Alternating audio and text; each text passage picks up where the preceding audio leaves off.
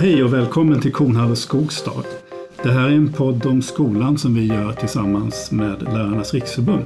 Men vilka är vi då? Vem är du, Isak Skogstad? Ja, mitt namn är som sagt Isak och jag jobbar som gymnasielärare och så är jag även skoldebattör. Och eh, ja, jag gör den här podden tillsammans med dig Per och vem är du då? Jag är gammal gymnasielärare. Någonstans i botten, det finns många bottnar när man har levt länge, eller jag på säga, men någorlunda länge. Men jag är väl, jag är väl ska man säga, en oberoende författare och tyckare och eh, konsult och expert i skolfrågor på olika plan. Men idag har vi med oss Gustav Fridolin. Välkommen! Tack så mycket. Du tillhör ju de av våra gäster som vi nästan inte behöver presentera. Som före detta utbildningsminister, du är jättekänd för att ha varit folkhögskolelärare en gång i tiden. Åtminstone i den här världen. Ja, finns det någonting som vi inte vet? Kalla fakta-reporter va? Ja, det fick jag fuska med ett tag.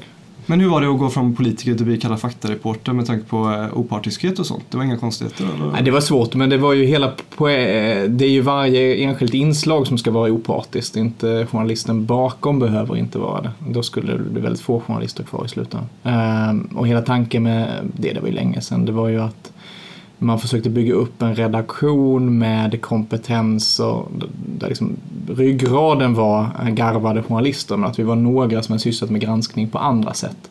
Konstitutionsutskottet har du Ja, suttit i. jag kom från konstitutionsutskottet. Nu, har vi, nu kom vi helt från ämnet, mm. men, men, har du haft nytta av de, den erfarenheten som politiker? När du möter, för du har ju mött en och annan journalist. Ja, du menar att jag klarat eh, alla mediala situationer så lysande ja, genom åren. uh, nej, men det är klart, lite, lite grann vet jag ju i bästa fall hur snacket kan gå på ett redaktionsgolv och det har man väl haft någon nytta av.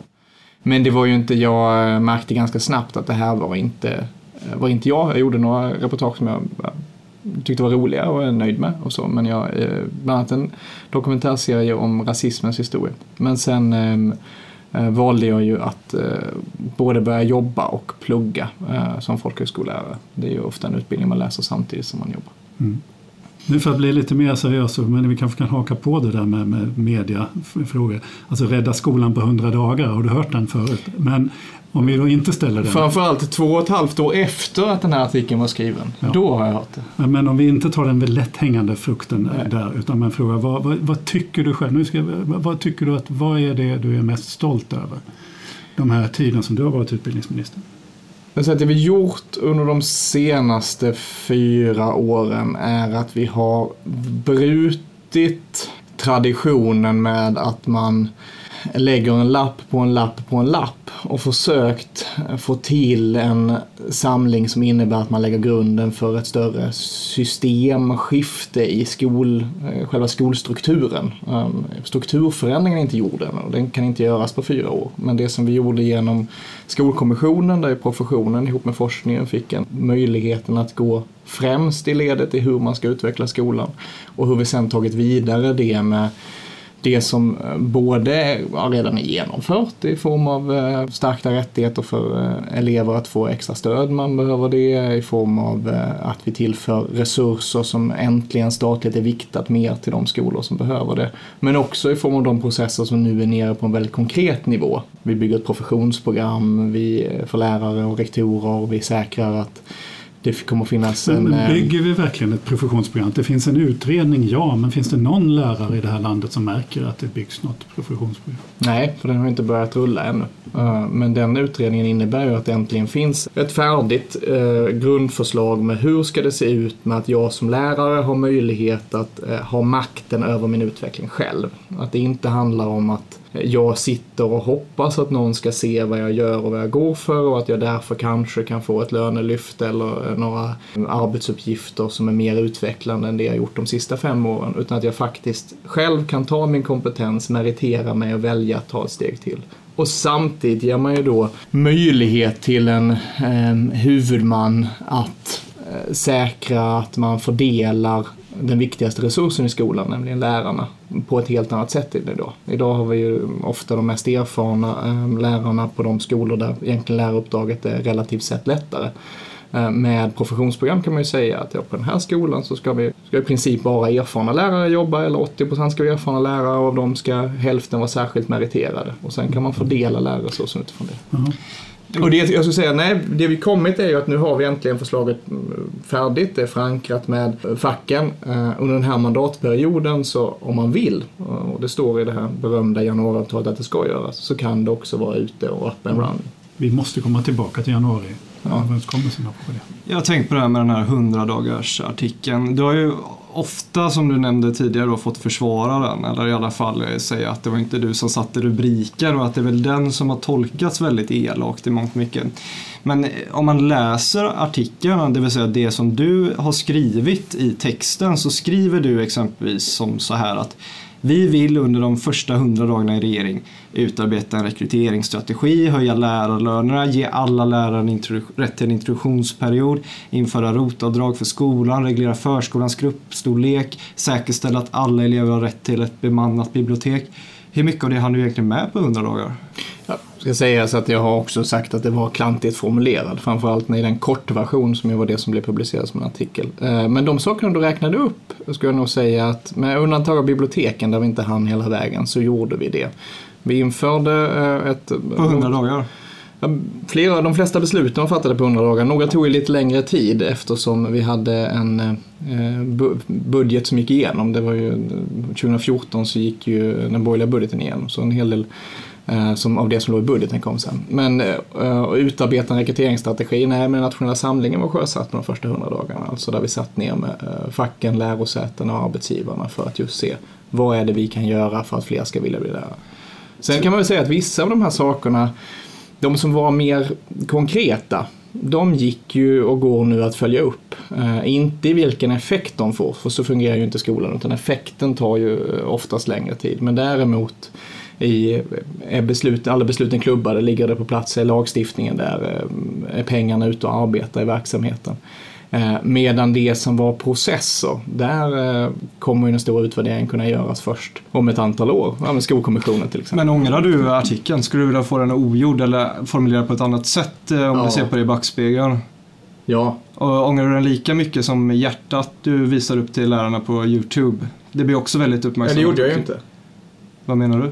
Nej, det, här, det här är ju, jag har ju varit, och det är väl fine, jag har varit språkrör för ett eh, regeringsparti, då blir man det. Jag har ju varit eh, i centrum för en viss typ av debatt de sista åren och det gör ju att sånt som faktiskt inte ens har hänt eh, har blivit en bild av att det skulle ha hänt. Det Hjärtat, det var en del av Nyheter 24 tror jag, eh, kampanj mot näthat där en stor andel politiker gjorde eh, och andra mm, tyckare gjorde handhjärtan. Sen klipptes den ut och användes i två miljarder andra sammanhang efter det.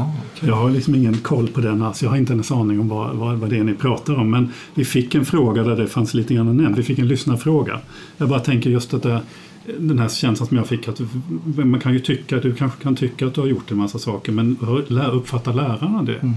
Och det är ganska viktigt också om vi tänker på den lärarbrist vi har och som vi går in i. Hur uppfattar lärarkåren den? Vi fick en fråga, den är formulerad Ska sägas att den är från Filippa Mannerheim som själv jobbar som lärare. Ja. Jag har tidigare i din karriär uppfattat dig som en ärlig politiker med en äkta vilja att verkligen förändra. När du såg hur friskolesystemet segregerade Sveriges barn, splittrade lärarkåren och påverkade skolresultaten negativt. Varför stred du inte för att försöka hindra detta? Istället var du lam och otydlig. Varför? Och så tycker hon att du då sviker en hel mm. lärarkår och så vidare. Mm. Hur känner du om det? Alltså, det hon lyfter upp är ju bekymret över segregation och mm. olikvärdighet i mm. skolsystemet.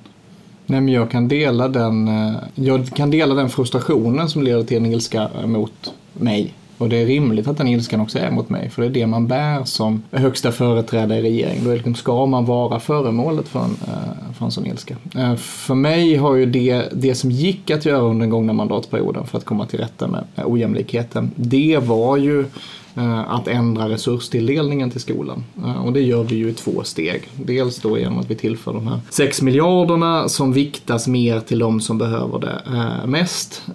Och det är för en del, för de skolor som behöver det mest kan det handla om liksom tillskott till undervisning och elevhälsa på 25 procent. Men det vi inte kunde göra under förra mandatperioden, det vi liksom aldrig fick eh, stöd för, var ju att angripa själva marknadssystemen och marknadsmekanismerna. Och precis som eh, Filippa började sin formulering av frågan, det ser jag att man behöver göra. Försökte du då att angripa marknadssystemen? Ja, vi gick ju till och med fram till eh, riksdagen med ett lagförslag om att man inte skulle få driva skola med vinstsyfte. Som följd. Mm.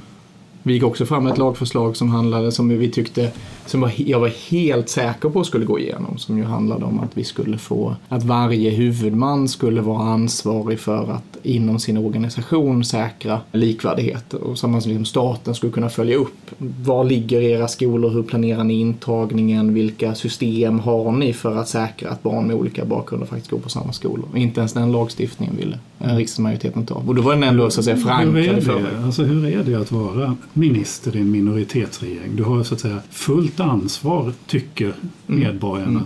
Mm. Men är ju i någon mening alltså, naturligtvis vinkligt. Men alltså hur, hur är upplevelsen? Hur är det att vara minoritetsminister? Det är ju mycket svårare. Ehm, det, jag, menar, jag har sysslat med politik från och till länge och jag minns när det räckte med att brotta ner Socialdemokraterna så hade man majoritet för att någonting skulle hända. Så ser inte det parlamentariska läget ut i Sverige eller egentligen något eh, jämförbar eh, flerpartidemokrati idag. Och man kan väl säga att våra exempel på eh, demokratier med färre partier fungerar inte speciellt stabilt de heller, USA och Storbritannien och så. Ehm, och det, det som då behöver göras är ju att bryta upp den här blocklojaliteten. För om varje, det är liksom inga problem att ha många partier om varje parti självständigt kan pröva sina ståndpunkter. Då går det att bygga majoriteter, ja. eller i vart fall relativa majoriteter. Och det är ju det som har hänt först efter valet. Men vi hade ju um, förra mandat, mandatperioden framförallt i Men, men är det frustrerande? Jag menar, ja, det är klart att, att du, sitter, du ska jobba fulla, långa dagar och, och vet att det du vill göra kan du inte göra. Ja, ja, ja, att kunna att se att vissa saker blev kört. Den här friskolorna var ju sånt där ju en majoritet av svenska folket 2014 röstade för att man inte skulle få driva skola med vinstsyfte. Att det liksom inte skulle få vara anledning till att driva skola. Det fanns lite olika idéer om hur det där skulle genomföras men att man skulle ha den typen av reglering. Och sen köpte Sverigedemokraterna över och den majoriteten försvann. Mm. Det är klart det är sjukt frustrerande att ha det på det sättet. Mm. Och det är ju vinsten med det som nu är riggat med januariavtalet med alla dess brister. Att den bryter upp den blocklojaliteten som gör att det inte gick alla gånger att resonera sig fram till slutsatser. Utan det enda vi kunde göra var ju om vi lyckades välta hela alliansen, alla de fyra partierna. Och det lyckades vi ibland i svåra processer som läsa, skriva, räkna garanti. Du har ju aviserat att du inte ämnar att ställa upp eh, till att bli språkvar för ytterligare en period för Miljöpartiet. Först vill jag bara fråga, hur känns det? Hur kändes det att lämna det beskedet? Bra. Skönt eller? Ja. Jag visste ju det. Vi har ju mm, regler som säger att man sitter högst nio år eh, och i praktiken handlar det ju det om hur många val man sitter. Eh, för allt annat lika bör man ju efter ett val lämna så fort man kan. För att Hur länge hade du kunnat sitta? Om du ett, år till. ett år till. Mm. Eh, om man ser tillbaks på en tid som utbildningsminister så kan man konstatera många saker men en sak som jag noterat är att M Miljöpartiets förtroende i skolfrågan eh, har sjunkit ganska drastiskt. Eller i alla fall så i slutet så visade en Novusundersökning att 2% av väljarna ansåg att Miljöpartiet hade den bästa skolpolitiken. Det vill säga eh, Socialdemokraterna toppade med 20% sen kom Liberalerna med 17 om jag minns rätt. Är det väljarna som underskattar Miljöpartiet eller har du misslyckats med att skapa förtroende? Har ni drivit för dålig politik?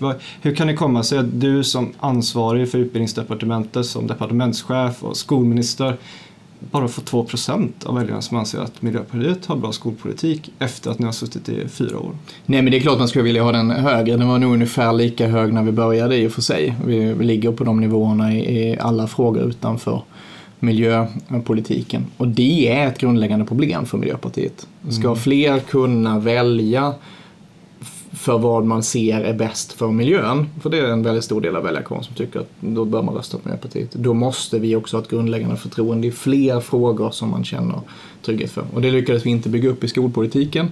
Um, och inte heller gjort på andra områden. Det skulle jag säga är den stora uppgiften för de som kommer efter mig. Men kan man inte även säga att på ett sätt så har även Socialdemokraterna och statsministern underkänt er insats på utbildningsområdet med tanke på att nu i regeringsombildningen så sitter inga miljöpartister kvar på utbildningsdepartementet. Man har tagit över och tillsatt Anna Ekström istället. Hade det varit så, alltså om vi tänker oss en annan situation, att Miljöpartiet hade varit väldigt framgångsrika, att du hade haft ett stort förtroende eller ditt parti i skolfrågan då hade väl rimligtvis Stefan Löfven prioriterat att ni skulle få sitta kvar på utbildningsdepartementet. Kan man inte tolka det som ett underkännande om ni inte får fortsätta styra över skolpolitiken? Ah, nu, nej, men nu tror jag nog du springer iväg analysen för jag vill ju ha en Ekström som efterträdare. Det finns ingen människa jag hellre lämnar över den uppgiften till Anna Ekström. Hade du inte heller velat se att Miljöpartiets skolpolitik styr istället för Socialdemokraternas? Då tror jag att man förenklar detta. Eller då förenklar man detta. Jag såg som min uppgift att göra en sak som jag inte trodde att en socialdemokrat kunde göra, nämligen bryta med ett antal gamla reformer. Ehm, kommunaliseringen, de beslut som fattades i början av 90-talet, eh, hur staten ska ha relation till skolan.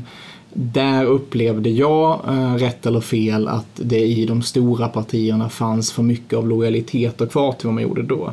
Den brytningen skulle jag säga har nu skett Eh, i och med skolkommissionen, i och med hur skoldebatten har kunnat förändras under de här åren. Då tror jag att det är få personer som är så lämpade att förverkliga de ansatser som finns i om man bygger ett, ett nytt och starkare skolsystem, som Anna Ekström, eh, som ju var den jag utsåg till Skolkommissionens ordförande en gång till. Jag skulle vilja komma tillbaka till januariöverenskommelsen, för när man läser den, dels är den ju påfallande slarvigt skriven. Det står att man ska införa utredningar som redan finns och så vidare. Men men när jag då läser den, jag vet att väldigt stora delar av skolsverige, inklusive Skolverket, är, är eniga om att vi har tre stora utmaningar i Sverige. Det är den katastrofala lärarbristen, vi har likvärdigheten som minskar och så har vi den, den, den segregationen, men som ju också på skolnivå är väldigt stark. Av de här sakerna så nämns lärarbristen lite halvdant och likvärdigheten finns ju lite grann i de här pengarna och att man ska fortsätta Skolkommissionens arbete. Segregation är inte ens nämnt. Nej. Och det, är, det är ett underbetyg till vad vi eh, kan skapa en majoritet idag. Um, Hur det kan här... det komma sig att vi har partier som, som kallar sig liberala? För liberalismen kommer ju ändå då från franska revolutionens demokrati och likvärdighetsfrågor och sånt där. Som inte ser skolans, att det är viktigt att skolan är på något vis lika för alla medborgare. Ja, först ska man väl eh, när man är med och inleder ett nytt samarbete ändå erkänna. Jag tror att man ser på ett principiellt plan att det är viktigt. Men nej, man drar inte samma slutsatser som, som jag och skulle jag nog, och Skolkommissionen kan jag luta mig mot, men i stort sett alla forskare som tittar på detta också då. Att ska man på riktigt bygga likvärdighet och motverka segregation så innebär det att du också behöver helt andra muskler även mot fristående aktörer. Du kan ha fristående aktörer men de får inte ha eh, de möjligheter att eh, etablera sig och att agera i skolsystemet och absolut inte ha drivkrafterna att eh, agera på ett sådant sätt så att du skapar segregation. Och det gör man idag. Och det här är ju eh, ja, men det är den blinda fläcken i eh, skoldelen i januariavtalet. Eh, januariavtalet är verkligen inte framme. Det kommer behöva göras mycket skolpolitik eh, under mandatperioden eh, för att man ska komma åt styrningsfrågorna och se till att staten har liksom grundläggande ansvar för finansieringen av skolan, ett professionsprogram för lärare och rektorer, att staten eh, inte bara kan, för det kan man i de lagstiftningarna har jag genomdrivit, men också har infrastrukturen för att rycka in i skolor som fallerar, kunna mm. aktivt vara i de skolorna och säkra att man bygger upp strukturer. Men den blinda fläcken ligger just på segregationsområdet. Ja. Många menar ju, i alla fall lärare som jag pratar med, säger ofta att eh, alltså de förstår idén med det här professionsprogrammet men att det känns som en ovanifrån lösning. Att det ofta är typ fackförbunden centralt som driver det och politiker och ja, men typ utredningar och kommissioner. Men att det inte är någonting som efterfrågas. Som åker ut i ett lärarrum och säger vad, vad ska vi prioritera för att förbättra din situation? Jo, jag vill ha ett professionsprogram. Utan att det snarare är andra mer konkreta åtgärder för att minska arbetsbelastning och ja, motverka helt enkelt att lärare går in i väggen. Förbättra arbetsmiljön. Upplever du att professionsprogram är högt eftertraktad bland yrkesverksamma lärare ute i Sveriges skolor? Om man uttrycker det som, eh, ska jag ha rätten att styra över min utveckling som lärare? Ja, då tror jag att det är mer efterfrågat än vad du beskriver. Men så är det ju, det finns vissa problem i skolsystemet som är helt avgörande att lösa eh, för att möta det som är den individuella anledningen till att man lämnar lärarbanan eller tappar sugen som lärare. Och där är arbetsmiljön i bred mening, att jag får jobba med det som jag vill jobba med som lärare, som jag brinner för som lärare och det som gör min lärargärning väl Eh, helt centralt. Men sen finns det också strukturella orsaker. Strukturella orsaker till att läraryrket eh, har halkat efter i förhållande till andra akademikeryrken. Strukturella orsaker till att lärare som utvecklas allt för ofta utvecklas ur yrket snarare än i yrket. Och där är professionsprogrammet en helt central sak. Jag har hört en, en statssekreterare, jag ska inte nämna vilken, säga att han, han blir så frustrerad när han har mött eller blev så frustrerad när han mötte eh, personer från andra länder för de kunde så lätt göra någonting åt sina skolsystem. Mm. Det vill säga, hur ser du då på, för nu har vi ju då den här skrivningen i januariöverenskommelsen om förstatligande. Ska lärartjänsterna förstatligas? Jag tycker det är en helt lysande skrivning. Eh, det vi har tagit ställning för, och jag har tagit ställning för, är ju att staten ska ansvara för finansieringen av skolan. Staten ska ha ett professionsprogram, alltså det ska vara statligt reglerat hur lärare styr sin utveckling. Ehm, och det innebär ju att det inte är upp till varje huvudman eller varje eh, skola och rektor att ha liksom fritt valt arbete i det, utan det är eh, lärarbanan är statligt reglerad. Eh, och staten eh, ska ha regional, regional närvaro som gör att man kan gripa in och agera eh, i skolor när skolor fallerar. Men den utredningen Nästa... la väl du i papperskorgen mer eller mindre? Den om regionalisering av skolmyndigheter, den gick ju inte ens ut på remiss. Nej, nej jag remitterar inte den där för det äger staten själv. Staten äger hur man regeringen äger hur man styr sina myndigheter. Det behöver vi inga remissynpunkter på. Det fanns ett antal andra förslag i den på ändringar, till exempel en, en att specialskolorna skulle kommunaliseras där jag genast alltså sa att det kommer vi inte genomföra. Eh, utan de bör fortsätta vara statliga. Men regionalisering behöver vi genomföra. Eh, och det eh, var ju mitt råd som jag uttryckte då och som jag nu har upprepat för Anna. Att nu bör hon i den politiska konstellation som finns samla partierna och se finns det stöd för att regeringen gör det regeringen har mandatet att göra, nämligen bygga upp en regional närvaro där de tre stora statliga eh, myndigheterna sitter tillsammans runt om i landet på regionala kontor. Mm. Eh, och som muskler att gripa in i skolan. På det sätt som sker nu. Men, men min lagstiftning leder ju till att vi går in i skolan i förstatliga inte tjänsten utan förstatliga andra saker. Eh, Om man då också kommer fram till i det här underlaget vi tar fram till att ja, det vore vettigt att göra lärartjänsten statliga. Då har jag ingenting emot det. Men alltså, det är inte fråga... så att statligt anställda idag överlag upplever nej, att de nej, har det, jättebra arbetsmiljö. Det säger alla att det är så. Men, mm. men, men vad tror alltså, vad jag försöker bara förstå här är ju för att vi har den här lärarkrisen. Vi har den här frågan som Filippa ställde som lite grann stämningen som mm. kanske ändå hon fångar upp här då. Vad är det för signal? Räcker de här insatserna för att både ungdomar som är på väg in att välja yrkesbana, de lärare som har lämnat yrket och de som är kvar ska känna ja nu menar de allvar, nu kommer allting att bli bättre.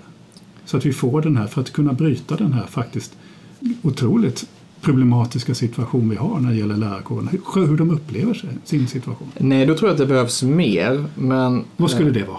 Ja, men det som, det som händer när staten tar över ansvar för finansieringen av skolan, som ju då har börjat hända med de 6 miljarderna och som vi eh, har tar fram lagförslag för hur man liksom ska lagreglera att staten ansvarar för finansieringen av skolan. Det är ju att jag eh, som rektor kan planera och jag som lärare vet att på min skola har jag tillgång till de här resurserna. Det ändras inte av ett tillfälligt köpstopp i kommunen, det försvinner inte iväg i vinstutdelning någonstans utan liksom de här resurserna finns tillgängliga för min verksamhet här. Det blir resultaten av statlig finansiering av skolan. Det tror jag är helt avgörande för arbetsmiljön och därigenom för upplevelsen Det du säger nu är någon sorts vinstförbud då? Alltså det inte finns utrymme för vinst längre?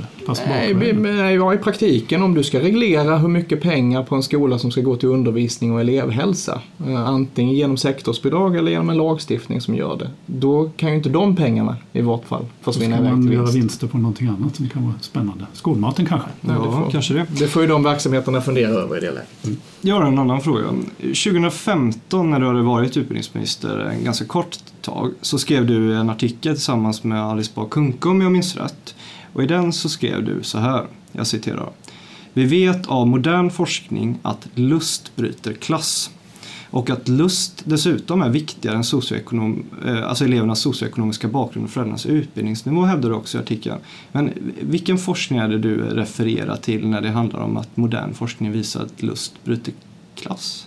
Men det var Kulturrådet som har gjort en forskningssammanställning där man eh, tittade på att i en eh, ska jag referera den här huvudet, det var ju några år sedan, men i en grupp eh, där du kunde se att eleverna uppnådde samma motivation som ju idag är väldigt eh, kopplat till mm, socioekonomiska faktorer. Men om du i den gruppen lyckas skapa samma motivation bland eleverna, då lyckas du också i den uppgift man där sysslar med motverka de socioekonomiska skillnaderna. Och det, det, finns, här, ja. det finns ju en väldigt stark evidens från PISA-systemet om det finns verkligen ett sådant mm. samband som bryter socioekonomi men det är, det är ju faktorn, alltså det, det indexet, det är lärarledd undervisning kontra mm. undersökande pedagogik. Där undersökande pedagogik är är väldigt dåligt för Mm. elevernas kunskapsresultat men däremot lärarledd. Nu tror jag att det där hänger ihop med att just att det är läraren som ger motivation. Mm, mm. Ja, verkligen. Och det finns ju en, en ytterligare korrelation som eh, väl sannolikt är en kausalitet i eh, PISA-undersökningarna som ju Jan-Erik Gustafsson brukar peka på som ju visar att andel elever som eh, säger att de, i de, den typen av frågor som ställs i PISA-provet, alltså är undervisningen utmanande, upplever jag att undervisningen är intressant, eh, ungefär så frågorna ställs hänger ihop med andel lärare som upplever att de har möjlighet att utvecklas i sitt yrke, att de genomgått en fortbildning som man upplever vara kvalitativ under de senaste eh, åren. Ehm, och den, ja, men det, det sambandet är, är starkt. Ja. Man brukar ju prata om, eh, alltså särskilja på så kallad biologisk primär och biologisk sekundär kunskap där det primära är det som drivs exempelvis av lust och nyfikenhet och då pratar vi alltså kanske förskolan då, att genom lek och socialisering så förvärvar man egenskaper att kommunicera sitt första språk, att känna igen varandra socialt eh, och grundläggande sådana kunskaper. Medan det biologiskt sekundära är sådant som kräver då undervisning och skola, till exempel sitt andra språk, allting som är kulturellt. Skriftspråket Att- är ett andra språk. Ja, men exakt. Att eh, läsa och skriva, matematik är ett sådant. Eh, och när du skriver då det här om vikten av lust, är det inte farligt att utgå från att elever måste känna lust för att lära sig mycket och, så, och lägga det som grund för social mobilitet? När vi vet att eh, exempelvis många ämnen och kunskap som är väldigt viktiga för eleverna inte alltid uppskattas av dem själva och dessutom kräver det hårt jobb och ansträngning. Många tycker det helt enkelt är tråkigt och inte upplever lust. Men det betyder väl inte att eh, de inte kan lära sig och genomgå social mobilitet med, tack vare kunskap. Vad jag menar är helt enkelt, är det inte väldigt bräckligt att basera en pedagogisk idé på att eleven ska tycka att det är roligt och ha lustfyllt lärande när vi vet att det kräver hård ansträngning och att man inte alltid tycker att det är roligt? Jo, om det vore den enda, den enda faktorn som du baserar hur man ska bygga ett eh, pedagogiskt system på, absolut. Ehm, och det är ju lite farligt att beskriva min skolpolitiska syn utifrån en eh, mening som uppenbarligen retat dig i en artikel som handlar om att slå vakt om eh, kulturskolan och möjligheten för elever att kunna eh, vid sidan av undervisningen utveckla eh, saker och ting som är verkligen lustdrivet men som just här, och det är intressant när man tittar på kulturskolan, lära sig instrument, också kräver ansträngning. Eh, det är ju inte så att de här delarna alltid måste vara motsatsställning utan lusten kan ju vara en motor som gör att jag klarar att hålla i den där ansträngningen. Sen är jag inte till så naiv att jag tror att det är den enda motorn som kan fungera i skolsystemet utan en hel del av den här ansträngningen kommer också behöva komma genom olika former av yttre motivation och yttre påtryckningar, absolut. Men alltså anledningen varför jag tycker den är intressant och att eh, ja, man kan väl se att jag har hakat upp mig lite på den kanske. Men det är för att jag tycker att den kanske visar lite av vilken kunskapssyn man har då. För att det här lustbetonaren brukar ju vara en del av den lite mer progressiva, inom citationstecken, moderna kunskapssynen. Där det handlar om att, för du skriver även i slutet av samma artikel att eh, det viktigaste, ett av det viktigaste för skolans uppdrag är i alla fall att lära eleverna att lära. Den, den typen av retorik. Så jag är lite nyfiken på att höra, skulle du säga att du har mer av en eh, sån modern progressiv kunskapssyn eller kanske en lite mer traditionell då som betonar vikten av att memorera fakta och ämneskunskap och lärarledd undervisning och auktoritet? För att, ja, jag vet att det inte är svart eller vitt, men det är en pendel. Vilken, pendel, vilken håll lutar din pendelsving åt?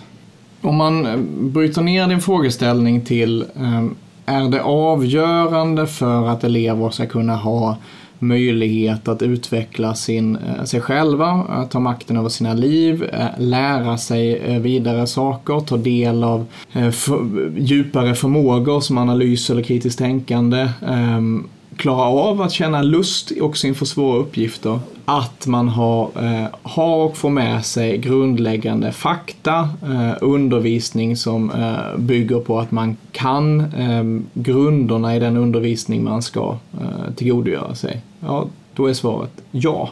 Ja, men det var inte en ja eller nej-fråga. Var... Nej, för, för men jag, om du ska undersöka min kunskapssyn så är det ju Ja. där någonstans du måste börja leta. Jag, har varit en av, jag har varit en av de som har betonat Eh, också säkert att Skolverket nu arbetar med det, undertecknat eh, januariavtalet som ytterligare betonar det, att det måste vara så att vi har övning i grundläggande kunskaper och grundläggande färdigheter för att man ska kunna klara de djupare krav som samhället ställer idag på eh, kritiskt tänkande och analytisk förmåga. Hela tanken med läsa, skriva, räkna-garantin är ju just denna om man, som ju varit en av de Det är viktigaste ganska reformerna för spännande. mig. Nu finns det en väldigt stark konsensus Ja. om just den här frågan. Brett över. Den är ju verkligen en blocköverskridande konsensus om betydelsen av kunskaper och grundläggande kunskaper för kunskapsutveckling överhuvudtaget i skolan. Och det är väldigt, väldigt spännande med tanke på hur det har sett ut i Sverige om vi backar tillbaka i historiskt och politiskt. Men jag tror inte riktigt att man har förstått det ute i landet. Man, alltså det här nya centrala rådet om, om betygssättning tror jag verkligen har chockat en del lärare. Därför att det är faktiskt en kontraorder jämfört med vad staten tidigare har skickat ut för signaler om vad som är betydelsefullt. Så det är spännande. Ja, och det är, ja, eh, och där tror jag också att det är ganska svårt och även om du kan titta på uttryckt med om vikten av kulturskolor och annat, men jag tror det är ganska svårt att beslå mig med att jag har haft olika linjer. Jag menar, en av de första, liksom, min motivation att ge mig in i politiken var i praktiken eh, ilskan över hur nedskärningarna på 90-talet kombinerades med LPO 94 som blev ett, eh, som jag beskrivit det eh, i flera nu ganska gamla böcker, eh, ett evangelium för de som ville hitta motivation att kunna skära ner. Att om vi har massa möjligheter för eleverna att själv söka fakta och kunskaper så behöver de kanske inte ens lärarledd undervisning och då kan vi klara oss utan att sätta in vikarier och vi kan klara att hantera de här enorma nedskärningarna som gjordes på ett par år i det svenska skolsystemet. Ehm, det var ju liksom där min politiska motivation och politiska engagemang började. Jag blir bara lite nyfiken för du eh, ska ju återvända till läraryrket är väl tanken då på, antagligen på folkhögskolenivå antar jag. Hur skulle du beskriva att du är i klassrummet? Är du eh, lite miljöpartistisk, eh, grupparbeten och så eller är du lite mer traditionell eh, katederföreläsaren Fridolin? Det är nog en kombination och det tror jag det är för alla. Eh, men eh, det är klart att jag har, jag har jobbat på folkhögskolor där vi eh, ofta haft en hel del elever som har till exempel neuropsykiatriska funktionsnedsättningar och då är ju sån struktur som att man kommer när man ska komma, dörren är annars stängd, man får vänta tills genomgången är över. Mobiltelefoner som är en sån symbolladdad fråga i detta, att de inte finns med under tiden man ska ha genomgångar eller under tiden, inte heller vanligtvis under tiden man är har gruppövningar. Ehm, väldigt centrala, för annars så och det är även struktur i betydelse att man vet vad som ska hända under lektionen och man vet när jag eh, har genomgångar och man vet vad som är förutsättningarna för de genomgångarna. Så, som är funkar försökt för alla elever egentligen? Som fungerar för alla elever men som blir så oerhört eh, Viktigt. centralt och tydligt att det inte går att bedriva undervisning eh, på ett annat sätt än att det åtminstone är tydligt för mig som elev eh, huvudsakligen vad som ska hända. Det tar ju inte från att man ibland kan använda sig av olika former av överraskningsmoment för att eh, liksom hålla ett intresse genom skolans gång men det, man har en grundläggande struktur så det finns någonting att överraskas utifrån. Sen eh, tror sa jag att mig- ja, förlåt. Ja, du, du sa till mig en gång, alltså för, för jag tänkte på det här, nu ska du sluta, både, nu har du slutat vara minister, eh, du är fortfarande riksdagsledamot, eh, du kommer sluta vara språkrör. På något vis så blir det ändå att du taggar ner den här högintensiva. Och du skrev ju en bok för, för inte så länge sedan om solidaritet och sånt. Jag kommer ihåg att jag träffade dig i samband med det. Och jag frågade hur hinner du och så vidare. Och du sa det ungefär som att jag måste göra det för det här livet är så konstigt. Mm. Hur skönt ska det bli att slippa Säpo? det, det, det blir jätteskönt. Eh, Så det måste ju vara en konstig tillvaro. Ja. Du är småbarnspappa Ja. också. Min, eh, min äldsta som är sju, hon börjar liksom förstå det konstiga som varit i vår liv eh, och längtar väldigt mycket. Vi pratade redan förra kongressen, då var ju sex, eh, alltså för ett år sedan nu, om liksom att det här är sista året, nu liksom bereder vi oss på att livet ska ändras. Så nu är hon ju verkligen i, Ja. i nedräkningsfasen och det är nog jag också. Faktiskt. Mm. Söker, Vad du, du- söker du jobb nu? Som lärare? Ja, Mm. Vad, vad, ro- ja. Jag tänkte bara, vi hade en fråga som jag tyckte var väldigt intressant. Det här, eh, hur utsatt är man som minister för lobbyism Ja. då? Vi vet att det finns många ekonomiska intressen som vill in i skolan. Det är datorföretag och det är ja, alla konsultbolag. Det finns många intressen som vill in och kapitalisera på det svenska skolsystemet. Välfinansierade tankesmedier. Och, och, alltså vi har ju väldigt, enligt forskning rätt mycket sådana inslag. Mm. Hur utsatt har du varit för det? Eller har du blivit approcherad i mångt och mycket från de här eh, företagen och branscherna? Nej, inte precis. Som minister så har du ju en så oerhört kontrollerad vardag eh, och en så fylld kalender så det är ganska svårt för den här liksom allmänna lobbyismen att tränga fram eller, eller nå. Eh, däremot är det klart att påverkar man och kontrollerar man eh, viktiga arenor där ministern eh, vill, kan eller behöver vara närvarande? Eller kontrollerar du mm, hur samhällsdebatten går? Eller kontrollerar du styrande faktorer för en minister, till exempel vilka tillkännagivanden riksdagen fattar beslut om. Riksdagsledamöter är överlag betydligt enklare att nå och påverka, både för lobbyister i meningen du har det men också för ja, organisationer och alla andra som ska mm. ha full möjlighet att göra det. Ja, då kan, du ju också kontrollera ministerns dagordning. Så inte mm. direkt men indirekt och det är klart att man kunde ju se det är ju, jag skulle säga att det, det, är ett grundproblem som vi har i att vi inte kan prata om segregationen utan eh, att lägga av de ideologiska skygglapparna. Att här finns det väldigt starka ekonomiska intressen som inte vill att Sverige i de delarna ska ändra skolsystem. Nej. Vi avslutar med det. Tack så hemskt mycket Gustav. Tack. Tack. Jätteroligt. Kul! Tack. Ja, tack.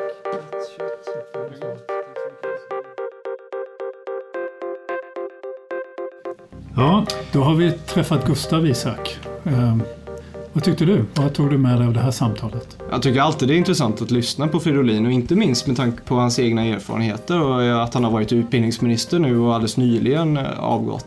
Men det som jag tänker på ganska mycket är hur han var något defensiv när det gäller den subtila mellan raderna kritiken som framkom i frågorna gällande Miljöpartiets förtroende i skolfrågan.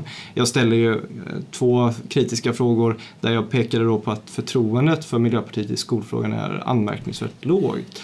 Och att eh, det möjligtvis då är ett tecken på att väljarna inte uppskattar deras skolpolitik. Men sen också eh, tog upp det faktumet att Stefan Löfven då inte utsåg någon miljöpartist utbildningsminister utan istället tog över departementet och ja, slängde ut Miljöpartiet eh, från utbildningsdepartementet. Och det menar jag då kan knappast tolkas som något annat än att, att man var lite missnöjd. Hade... Men, som, men man kan ju också se, alltså, jag förstår precis hur du menar och det finns ju definitivt så om man när man nu lyssnar på honom så, så verkar det ju inte på Miljöpartiet ha någon egen skolpolitik utan det han såg som sin största landvinning var att han hade överbryggt motsättningar mellan andra positioner som andra partier har. Samtidigt kan man ju tycka att ja, men är det inte det vi ibland efterfrågar hos politiker? Att de inte bara driver politik för att så att säga positionera sig eller samla makt eller något så vidare utan för att man faktiskt tänker att det här är det bästa för skolan. Ja, kan men man inte tolka det så? Absolut, man kan ju se det att det var väldigt sympatiskt då men jag tycker ändå det är ganska anmärkningsvärt ändå att eh, han som utbildningsminister säger att ja, men det var jag som ville ha Anna Ekström och sånt. Mm. Eh, man kan ju tänka sig och det är väl inte så kontroversiellt att tänka sig att en miljöpartist och en, ett språkrör för Miljöpartiet helst ser miljöpartistisk skolpolitik och vill att den ska styra landet. Det måste ju vara ambitionen. Eh, men absolut, det tolkades ju ödmjukt och så. Det var ju fint sagt av honom och Anna Ekström. Men jag tycker ändå att eh, jag kan också sakna att politiker säger som så här att ja, vi har försökt och vi har misslyckats. Eh, våra väljarna uppskattar inte vår politik och det här är konsekvensen av det. Mm.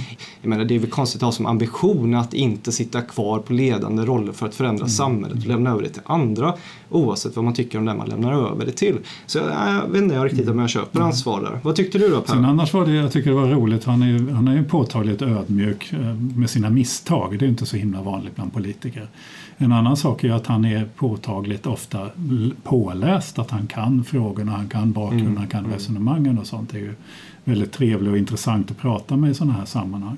Så jag tyckte det var roligt och sen tycker jag det det är kul att få en liten inblick i hur det är att vara minister och, och vara minoritetsminister när man faktiskt inte kan genomföra ens det man vill. Mm. För de frågorna kunde de ju inte driva framåt på det sättet de ville på grund av det parlamentariska läget. Och sen den här påfallande lättnaden av att nu få slippa Säpo och sådär.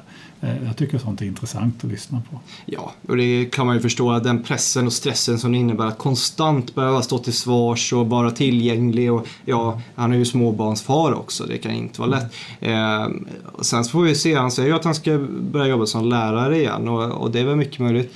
Jag tror dock inte att han kommer vara långvarig som lärare utan runt hörnet så hägrar nog något eh, mer spännande uppdrag än att jobba som folkhögskolelärare. Eller vad tror du Per? Jag vet inte om jag kan tänka mig något mer spännande uppdrag men, men däremot så har han ju så mycket erfarenheter och kunskaper och kompetensen nu att göra andra saker som är, som är större och som ger honom större möjlighet att resa och man kan tänka sig vad som helst. Nej, eh, och jag har ju också sett hans det är faktiskt en ganska välskriven bok och sånt där. Han har ju Den är väldigt bra om- den om, eh, om solidaritet. ja. ja, just den är det. ganska spännande och så. Nej, alltså jag vågar inte, nej jag tror inte heller han blir folkhögskolelärare så länge. Men inte därför att det inte det i sig är ett väldigt spännande jobb. Men det finns så många dörrar och vägar öppna. Han är så känd som namn. Det är så många som kommer rycka i honom tror jag. Ja.